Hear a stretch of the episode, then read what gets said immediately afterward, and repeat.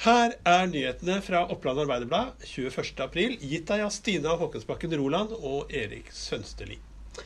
Denne sendingen blir litt annerledes, Stina, for i dag startet eh, rettssaken etter drapet på 15-årige Oskar André Ocampo Overn på Kapp i oktober i fjor. Eh, den 45-årige faren han erkjente drap på sønnen da rettssaken startet. Og det var eh, en sak som gikk for lukka dører, bortsett fra at eh, pressen kunne få se den på, på videolink. Du fulgte deler av det, Stina. Hvordan, hvordan var det? Det er ganske spesielt, det må jeg. Um, I dag så var det faren som ga sin forklaring etter innledningsforedraget. Uh, faren fikk fortelle sin versjon av hva som skjedde denne fatale morgenen. Og motivet for gjerningen og forhistorien bak der. Hva sa han om, uh, om uh, motivet? Det har alle har spurt seg om. Ja, det er jo det alle går og lurer på. Um, han forklarer på en måte at han tenkte det ville gi resten av familien et bedre liv om han og Oskar André ikke var der lenger. Så han tenkte at uh, han uh, først skulle ta livet av sønnen sin, og så skulle han ta livet av seg sjøl. Og bakgrunnen for dette var en uh, hemmelighet til bar på? At det hadde vært en seksuell omgang med dem?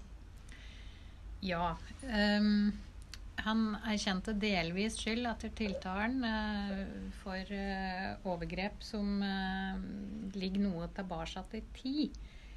han forklarte at det som skjedde ved den anledninga, ga Oskar André et slags maktforhold overfor faren.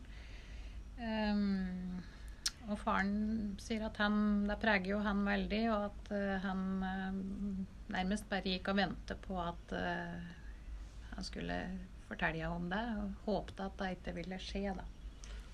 Og da det blir avslørt, og mor konfronterer han, så faller han nærmest i et svart hull. Eller han bestemmer seg da for at det er ingen annen. Eller det er da han sier at, at det, er, det beste er om om de begge går bort, da. Etter rettsforhandlingene så snakket vi med bistandsadvokat Inge Marie Støen eh, bl.a. om at, dette, at det hadde vært bedre om han tok livet av seg og sin sønn. Hvordan var eh, det for mor å møte i retten i dag? Nei, det var selvsagt veldig vanskelig. Og, og det har vært en svært uh, tøff dag for henne, uten tvil. Var det første gangen hun møtte da sin ektefelle? Ja, det var første gang. Det var første gang. Mm. Mm. Kom det fram noe nytt i retten i dag, vil du si? Nei, jeg, jeg, vil ikke si at det kom frem noe spesielt nytt i dag. Det er eh, i hvert fall ting som vi har vært kjent med gjennom dokumentene. Det var jo mer at man eh, forklarte seg veldig kontrollert og, og, og grundig om alt som hadde skjedd. Mm. Han kom eh, også inn på ja, rundt eh, hva motivet for handlingen var. Og planlegginger og forberedelser og sånt. Hva slags kommentarer har du til den forklaringen han hadde med at for å redde familien så måtte han gjøre dette. Altså ta livet av sitt sønn og seg selv. Det er jo en veldig spesiell forklaring. Og det er klart at mor reagerte, eller fornærmede reagerte voldsomt på det, selv om det ikke var noe nytt for henne, etter hva han har sagt tidligere i sin politiforklaring. Men uh, det er jo klart at det er spesielt når hun opplever hvor vanskelig denne saken er for henne og for, eh, for døtrene. Mm. Hvordan ser du på det å måtte forklare seg nå? Det er vel i morgen tidlig hun skal forklare seg? Det er i morgen tidlig, ja. Hun gruer seg selvsagt til det, men hun har kommet greit gjennom dagen i dag. Selv om den har vært vanskelig, og er klar for forklaring i morgen. Det Støen ikke snakket om i, i, vår samtale med henne her, Stina, var kanskje det som også kom fram, at, at barnevernet hadde, hadde, vært involvert Barnevernet og BUP hadde vært involvert i, i, i undersøkelser om mulige seksuelle overgrep på tidligere stadium. Barnevernet var involvert. Um, dette eh, finnes det ei tidslinje på. Um, jeg har ikke her det jeg trenger for å gå i detalj om den. Men det ble i hvert fall ingen videre eh, sak med barnevernet ut fra de samtaler som de hadde med både far og sønn og familien skjønte jeg, den gang. Men eh, på slutten av dagen så kom eh, tiltalte meg eh, sjøl med eh, sterk kritikk av det offentlige tilbudet som har vært involvert. Han, han uttrykte det som at de ba om hjelp, men at de ikke fikk det. Og her er det jo, som vi vet, en granskning på gang fra fylkesmenn i Innlandet om om Østre Totens kommunes håndtering av saken.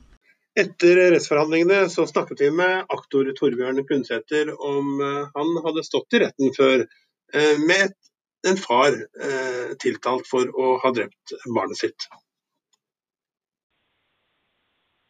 Jeg kan ikke si at jeg har hatt en sak hvor et barn har blitt drept av sine foreldre, men det skjer jo Eh, i, samfunnet så skjer det jo drap eh, av barn og, og mishandling av barn.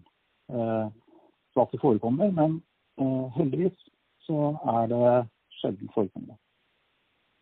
I dag fikk vi høre den tiltalte faren komme inn på, på, hvorfor det skjedde, altså motivet, og også i hvilken grad det var planlagt, den handlingen som, som han var tiltalt for. Vil du si det kom fram noe nytt i hans forklaring i dag? Mm. Nei, ikke for politi og påtalemyndighet. Fordi at uh, tiltalte har uh, gitt en veldig fyldig forklaring uh, allerede fra første stund, egentlig. Han ble jo tatt inn til avhør, ordinært avhør på politiet så kort tid etter at han ble pågrepet av politiet.